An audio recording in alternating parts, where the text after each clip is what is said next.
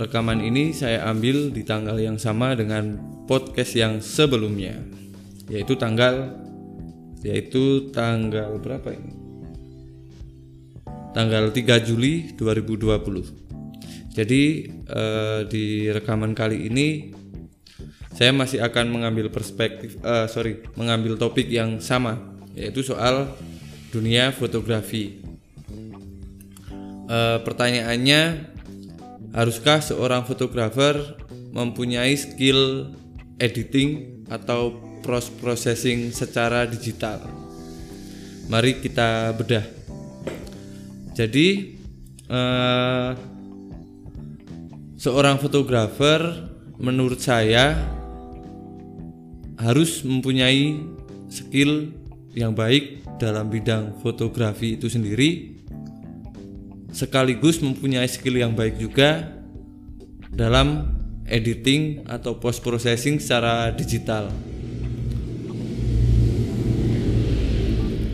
Banyak motor lewat ya karena ini diambilnya siang hari buat testing. Kenapa saya bilang e, harus mempunyai dua skill itu sekaligus? Karena gini deh, e, seorang fotografer baiknya harus bisa menghasilkan gambar yang bagus tanpa editing. Dalam artian e, fotografer seharusnya sudah bisa menguasai teknik-teknik dasar untuk menghasilkan foto yang bagus gitu ya, untuk menciptakan foto yang bagus tanpa sentuhan editing. E, penjabarannya bisa panjang. E, foto yang bagus itu mengkaitkan banyak hal yang sifatnya teknis mulai dari uh, mulai dari penguasaan kameranya, penguasaan lightingnya, pemahamannya terhadap lighting, uh, pemahamannya terhadap logika cahaya gitu ya. Jadi intinya yang pertama fotografer tetap harus bisa menghasilkan foto yang bagus walaupun itu tanpa sentuhan post processing. Saya pernah uh, menemukan buku di pasaran tutorial menghasilkan foto beauty di studio gitu. Uh, entahlah apa judulnya ya udah udah nggak terlalu ingat. Tapi begitu saya buka isinya ternyata itu foto-foto yang uh, full processing digital. Jadi dari kulitnya dia mulus secara nggak wajar lightingnya dia rekayasa digital gitu. Jadi eh, jangan-jangan uh, dia malah lebih jago editing daripada motretnya itu sendiri gitu.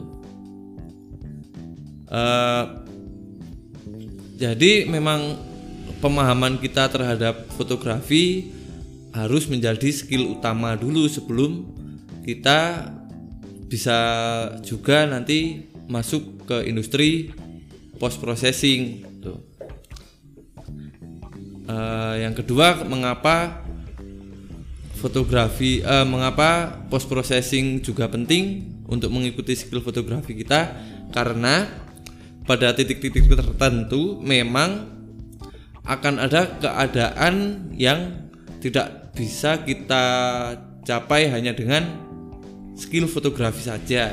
Misalnya nih, misalnya kita punya konsep foto di luar angkasa misalnya mana mungkin kan kita kita kan nggak mungkin tuh keluar angkasa buat ngambil pemotretan gitu kan jadi ya kita bisa mengandalkan teknik post processing atau editing secara digital gitu.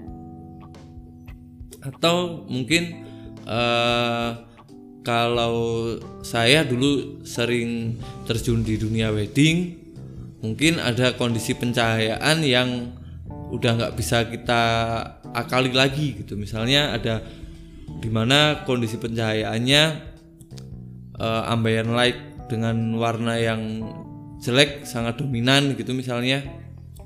Jadi skill pro, pro, post produksi post produksi ini jadi skill post produksi ini bisa kita gunakan untuk mengkoreksi keadaan lapangan yang tidak memungkinkan walaupun akhirnya nanti skill fotografi kita juga yang akan eh, berbicara secara dominan gitu. Karena tanpa skill fotografi yang mumpuni kalau hasil fotonya terlalu hancur juga tidak akan bisa diselamatkan dengan post produksi gitu.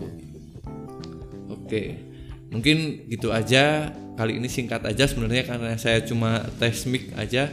Dan siapa tahu bisa lumayan dapat konten walaupun 5 menit aja gitu. Oke terima kasih yang udah nyimak yang masih lembur. Semangat